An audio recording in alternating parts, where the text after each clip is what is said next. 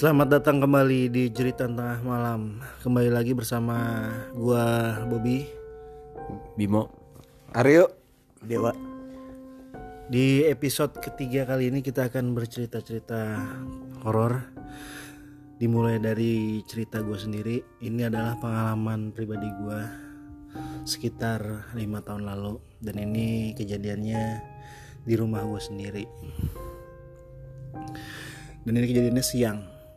Tidak tidak tengah tidak malam dan tidak sore. Siangnya jam berapa tuh bro? jam 2an lah jam 2an sampai jam 3 nah gue pada saat itu gue lagi habis makan siang gue gue pengen rebahan gitu lah ya mungkin kenyang gue pengen nyender tapi gue pengen nyender di kamar paling belakang karena gue ada kamar nih paling belakang dan situ gue itu kamar kosong ya? Kamar kosong. Jadi emang jarang dulu. Kamar itu cuman buat gudang cuman dialih fungsikan. dialih fungsikan di situ ada kasur.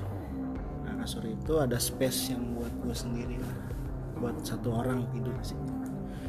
Dan itu kalau siang udaranya emang eh, ada space lubang anginnya banyak gitu. Jadi angin masuknya semeriwing lah gitu bisa dibilang. Nah gua ke situ gua nyender posisi kayak putri putri duyung gitu gue nyender. Nah tiba-tiba gua ngantuk nih tiba-tiba mata gua merem.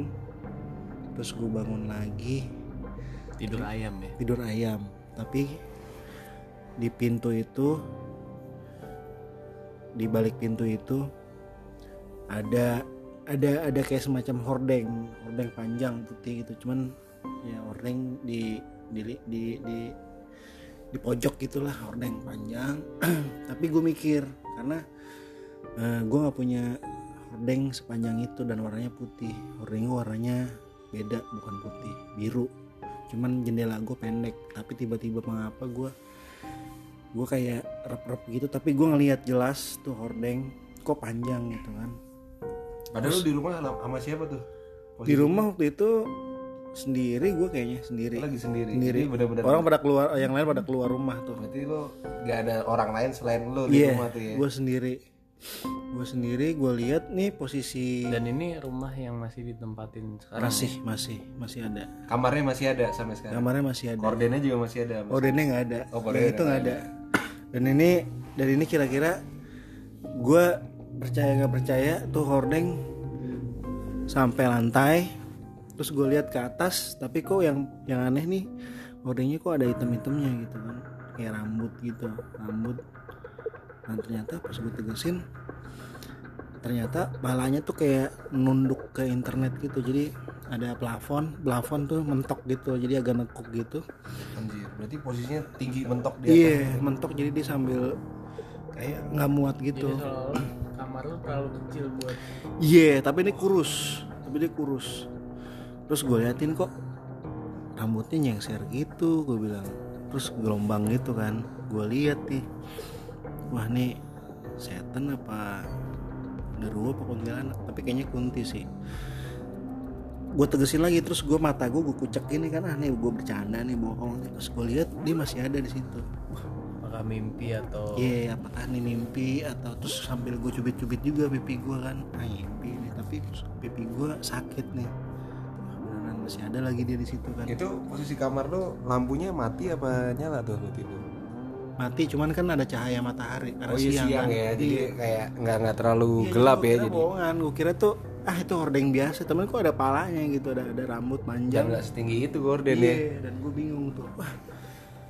Akhirnya gue liatin, terus ada kayak bola mata gitu jatuh. Wah, ya kali. iya jatuh. Terus jatuhnya itu nggak sampai ke lantai. Dia kayak ada pernya gitu. Set naik. Wah matanya copot. Udah mati. Wih matanya copot nih cuy gue bilang. "Ah." terus ada ada aliran darah gitu sih di matanya itu.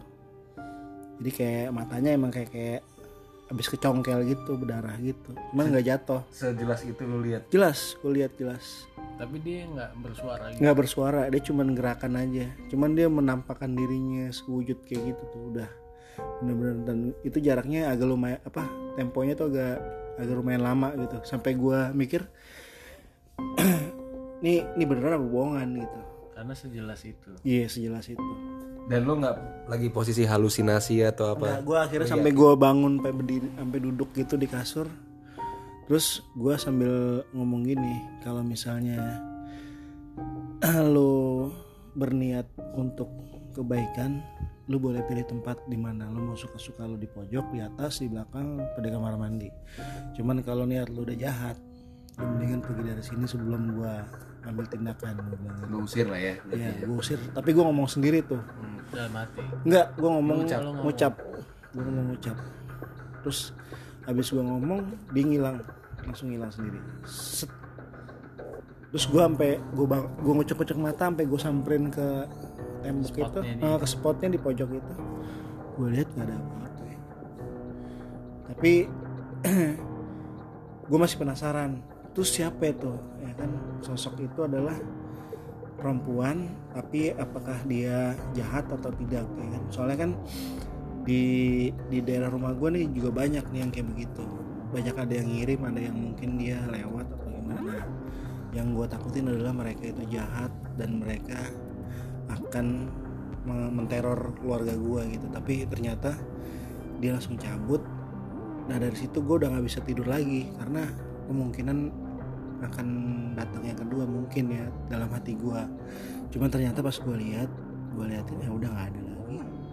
Ya udah akhirnya gua balik lagi ke akhirnya gue nggak tidur di situ. Gue pindah ke depan. Gue pindah ke depan. Gue gue pindah ke depan terus gue di situ eh, pintu gue buka sambil ya gue SBT lah. Karena agak sedikit shock juga yang di belakang tadi. Gue masih mikir tuh siapa nggak jelas. Tiba-tiba ada dan tiba-tiba nggak ada. Terus habis itu lu cerita nggak sama anggota keluarga? Cerita gue cerita. Tapi menurut mereka ya gue disangkain ya lo Lu nggak tidur doang ah itu gitu. penglihatan lo aja. Mungkin lu masih nggak sadar kali. Iya tapi gue sendiri yang gue alamin gue sadar karena gue sampai duduk dan habis itu hilang gue tetap duduk nggak tidur gitu. Posisi gue tetap di posisi yang gue duduk ini nggak. Gue langsung tidur lagi. Jadi bener-bener gue lihat penampakan itu secara jelas gamblang dan mata itu menurunkan sendiri. Gue juga pertama kaget tapi lama-lama kok jadi tambah kaget karena ada matanya itu aneh gue kira bohongan. Tapi ternyata wah beneran nih nih nah langsung aja kar gue ngucapin yang tadi. Kalau kalau nggak gue ngucapin itu mungkin ya gue sangkain gue ngimpi gitu kan. Tapi ternyata emang kejadiannya dia langsung hilang. Terus setelah itu habis itu ada gangguan. gangguan lagi nggak waktu? Beberapa bulannya nah, sebelumnya emang udah ada. Cuman gue nggak tahu ceritanya dari siapa. Nah pas pada saat gue itu juga pas jadinya pada saat itu yang di guanya. Nextnya tapi anggota keluarga lain alamin atau? Ngalamin sih cuman mereka belum belum cerita. Nggak cerita detail cuma iya cuman bisa ngeliat ini nih gitu. itu anggota keluarga lu siapa? Bokap nyokap tua? Ya nyokap cerita adik gue cerita. Masih lumayan lumayan karena karena emang depannya dulu tuh ada makam kuburan yang yang yang punya rumah keluarga ya. iya. Itu cuman satu sih. Cuman satu.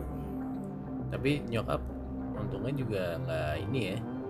Waktu dia Ah. diganggu itu dia nggak nggak sampai yang parno jadi parno apa gimana? Enggak sih karena kan eh, agama kita kuat ya jadi ya biasa aja gitu. Maksudnya enggak enggak ya memang kita percaya hal itu ada tapi eh, kalau untuk jangan yang sampai jadi lemah ya. Iya, mungkin kalau sosoknya cuman muncul atau gimana?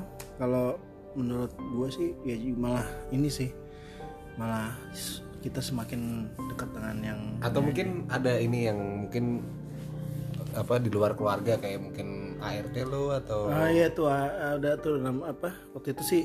Atau pengasuh anak lo kan waktu itu anak lo masih iya pengasuh anak. kecil kan ya Eh, pengasuh anak ada eh, dia dari dia emang sengaja datang dari da- dari Jawa Tengah sengaja datang untuk bantuin kita karena waktu itu kita punya anak masih agak agak ya mbak balita lah ya balita sama batita ya.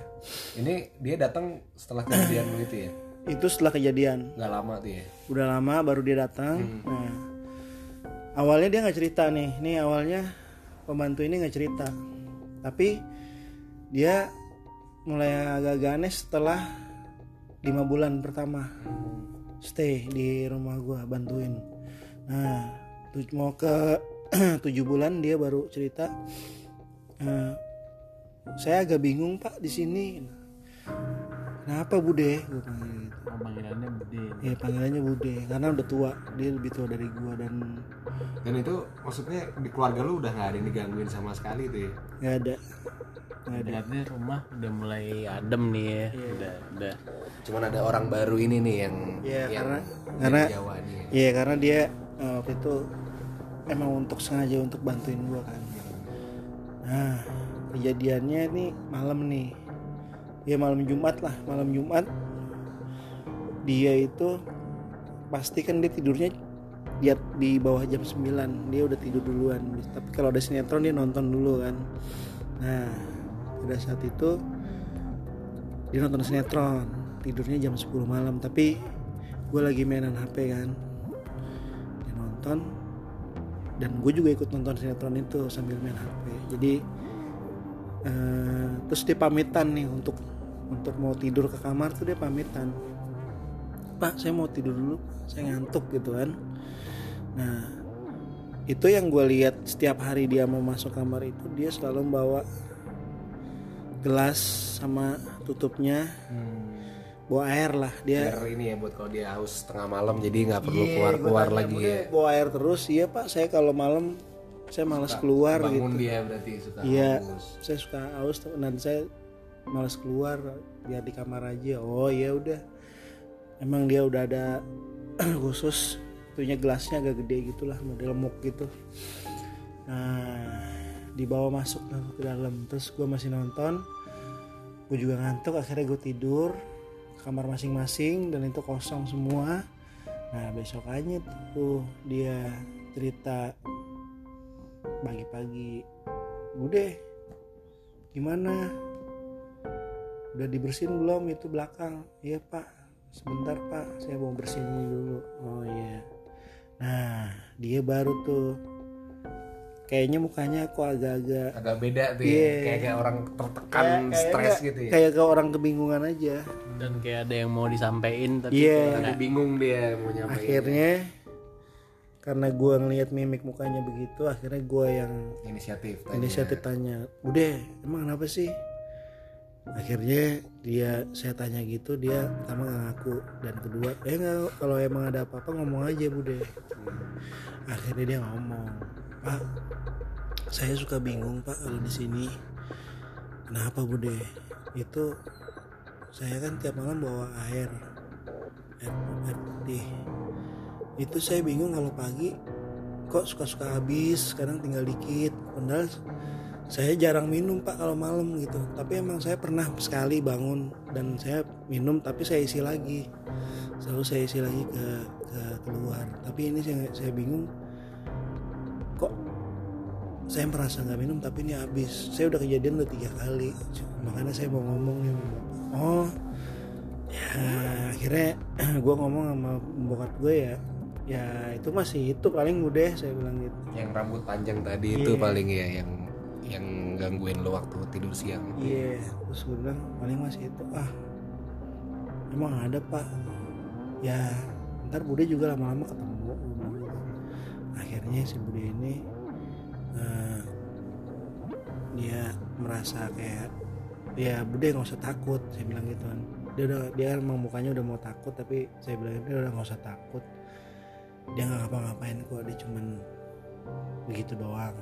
Akhirnya si Bude ini besok besokannya beberapa harinya udah mulai ngaji udah mulai sering ngaji dia di di, Di kamarnya dia sendiri. iya di kamarnya dia sendiri karena gue sering dengar dia lagi baca apa gitu oh ya bagus dah. Gitu. dan itu terjadi sudah tiga kali dan itu baru cerita. Nah yang gua yang gua iniin kenapa air itu bisa nggak ada di gelas ya kan? Dan siapa yang minum gua nggak tahu deh sampai malam tuh ya. sampai detik ini. Sampai detik ini itu masih goib sih menurut gua. Tidak ada jawaban. Tidak ada jawabannya dan itu yang menurut gua paling paling, berkesan serem. Tapi emang masih banyak sih karena rumah itu rumah tua ya rumah gua rumah tua. Pada zamannya dulunya orang-orang yang punya orang Betawi itu. Dan ada kuburan keluarga di situ satu orang. Mungkin dari situ kali ya. mungkin dari situ. Pemicunya dia. lucu tapi sampai sekarang alhamdulillah eh, masih ada sih cuman belum yang se ekstrim kayak waktu itu. Belum se ekstrim yang kayak waktu Itu Cukup sih. itu cukup sih kalau dari gue cukup menyeramkan ceritanya. Cukup membuat bulu kuduk kita merinding malam ini. nah. Oke jadi sekarang kita lanjut Masuk nih ya berarti kita ke cerita kedua ya. Cerita kedua itu tadi dari Bobby nih sekarang. Berarti dari pengalaman dari siapa? Bukan bukan pengalaman Bukan langsung sih, cuman- langsung kita ya? cuman eh, yang bersangkutan kebetulan langsung cerita abis abis kejadian kejadian itu. Jadi ya langsung cerita. Eh, langsung cerita ke gua gitu. Jadi ini lebih ke ceritanya nyokap sih gitu. Jadi kejadiannya tuh emang udah lumayan lama juga sih. Sekitar ya 5 sampai 7 tahun yang lalu lah. Jadi nah, di hari gue lupa weekend waktu itu antara Sabtu atau Minggu. Hmm. jadi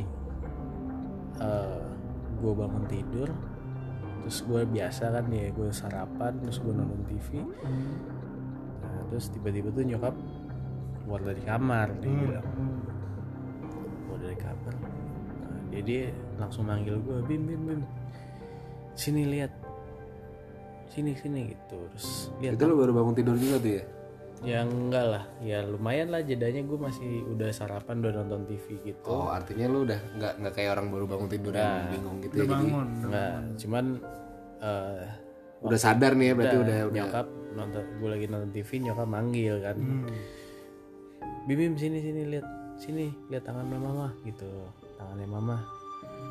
Terus kenapa mah? gitu. Terus, ya udah gue samperin. Terus gue lihat tangannya lihat nih tangannya mama kayak ada bekas cakaran gitu kan. Wah ya udah gue langsung sebelum mendengar ceritanya lebih lanjut gue langsung motret tangannya nyokap gue di apa di, leng- di lengannya dia lengan kanan dan kiri gitu. Jadi kayak orang kayak bentuknya kayak cakaran tiga gitu fotonya lah. masih ada nggak? Ya itu gue foto langsung dan masih ada sampai sekarang gitu. Terus gue supaya buat bukti kan bahwa wah ini ceritanya biar valid nih kan. Hmm. Nah, terus abis itu baru gue tanya nyokap kenapa mah kok kayak gini? Tangannya ada bekas apa ini? Gitu kan. Hmm. iya. Jadi tadi mama eh, mimpi.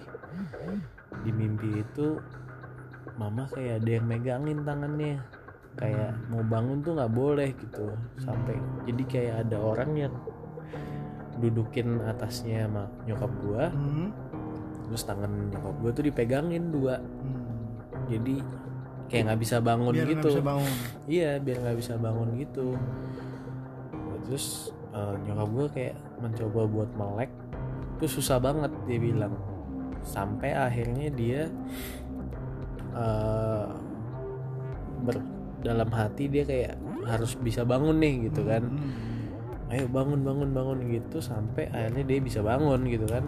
Nah begitu dia bangun itu eh, pintu tuh kayak ada angin kenceng banget.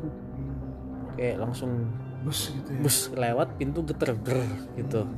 Nah itu pas begitu nyokap bangun tuh kayak gitu. Berarti kayak ada sosok kabur gitu ya? Iya. kayak ada sosok yang kabur gitu.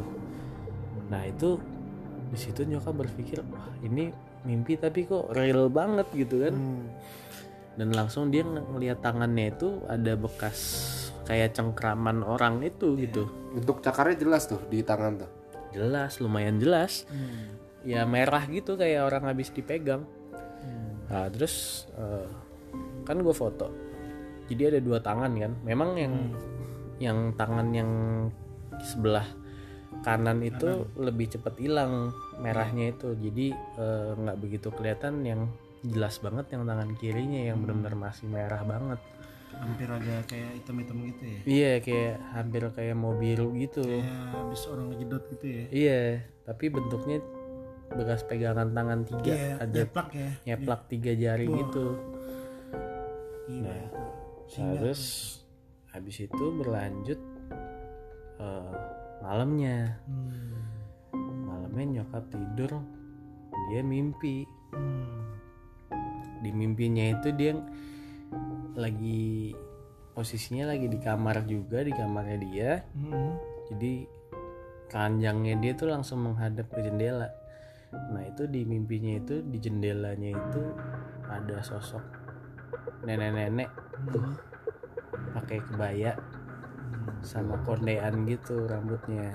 Nenek ya? Iya, tapi di situ emang nenek-neneknya nggak ngapa-ngapain sih, tapi dia cuman menunjukkan sosoknya aja bahwa di Dia ada di situ ya. iya, tapi ini di dalam mimpi ya, maksudnya dia eh, merasakan pengalaman itu tuh mimpinya seperti itu gitu, jadi bukan yang pas dia lagi melek bangun dari tidur terus ngeliat itu enggak ya udah terus besok paginya dia Parno kan dia, dia cerita lagi sama gua.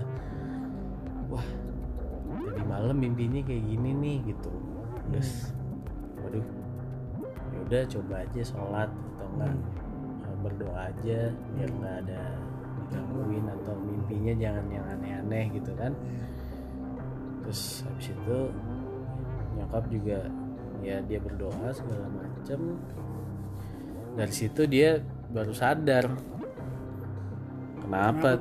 Karena nyokap gue juga nggak pernah digangguin. Ini baru sekali itu digangguin dan itu cukup ekstrem juga sekalinya digangguin kayak gitu kan. Karena ber- berdampak berbekas itu ya Pak? iya ada bekasnya.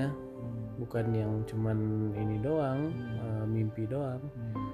Ya, dari- dari situ dia sadar bahwa ternyata dia kayak gitu hal ini disebabkan dia bawa bunga Kambuja. sedap malam Eh, sedap malam ya. siapa, siapa yang bawa nyokap yang bawa jadi emang dulu kan nyokap suka bawa Bunga. bunga kan kalau pulang kantor gitu suka sengaja beli bunga gitu nah entah kenapa waktu malam yang sebelum dia digangguin itu tuh pulang kantor dia bawa bunga sedap malam Hmm. Emang ma- wangi sih rumahnya emang tujuannya sih dia buat bikin rumahnya wangi sebenarnya gitu. Tapi dia nggak tahu ternyata tuh Goib suka yang wangi-wangi tuh juga. bunga tuh lumayan goib gitu kan emang yang yang Mbak Kunti kan emang demen tuh wangi-wangi begitu kan gitu.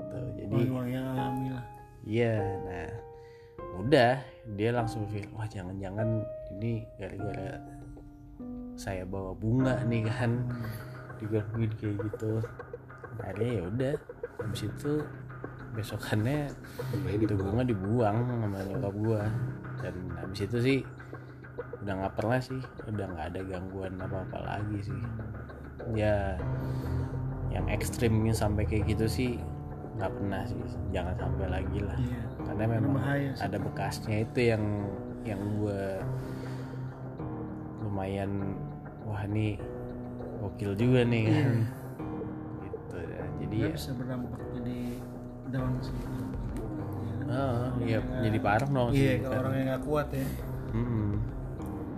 Dan itu ya untungnya langsung gue foto abis itu. iya Cukup menyeramkan juga lagi. seru Serem, serem. Dan selalu sosok nenek-nenek itu ya seperti Iya. di episode 2 kemarin yang ceritanya Bimo juga. Ya, Nenek-nenek. ya itu bisa nyambung juga. Mungkin Itu mungkin ada benang merahnya dari cerita lo yang kemarin. mungkin itu yang dilihat sama nyokap di mimpinya tuh mungkin visualisasi dari si Nenek itu nenek-nenek yang, yang gangguin lo. waktu gue belajar gitu kan. Iya. bisa jadi gitu.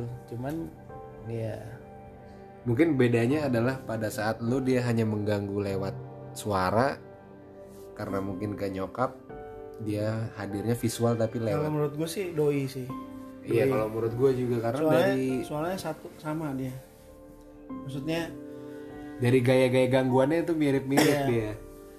Si nenek itu. Iya si nenek itu. Si nenek itu. Si wanita bersanggul dan Iya. berkebaya itu. Tapi sih kalau ngeliat mukanya sih mungkin serem ya. Oh iya yang pasti. nenek bersanggul terus dia pas tapi kalau kata nyokap mukanya biasa aja. Maksudnya ya Ya, bukan nenek- orang ya gitu. bukan orang nenek-nenek kan? Iya iya. Cuman seorang tua gitu kan ah, orang tua gitu. Cuman eh, bukan yang apa matanya apa yang hidungnya gimana Hmm. Iya, iya. itu enggak sih. Ya memang perwujudannya orang tua pakai sanggul Iya. berkebaya gitu. Ya kalau pernah lihat nenek-nenek Jawa Ya, kayak gitulah ya. Otentik Jawa ya kayak gitu. Sama persis. Iya soalnya kan kalau makhluk goib itu kan bisa ber- menyerupai apa aja bro. Betul. Bisa berbentuk binatang bisa berbentuk api bisa berbentuk angin. Terus bisa berbentuk yang lain-lainnya ya udah. Gitu aja sih. Mungkin adalah mungkin next ya. Next nanti di episode 4 stay tune juga nih. Ada cerita-cerita yang menyeramkan lagi. Cerita tengah malam. Au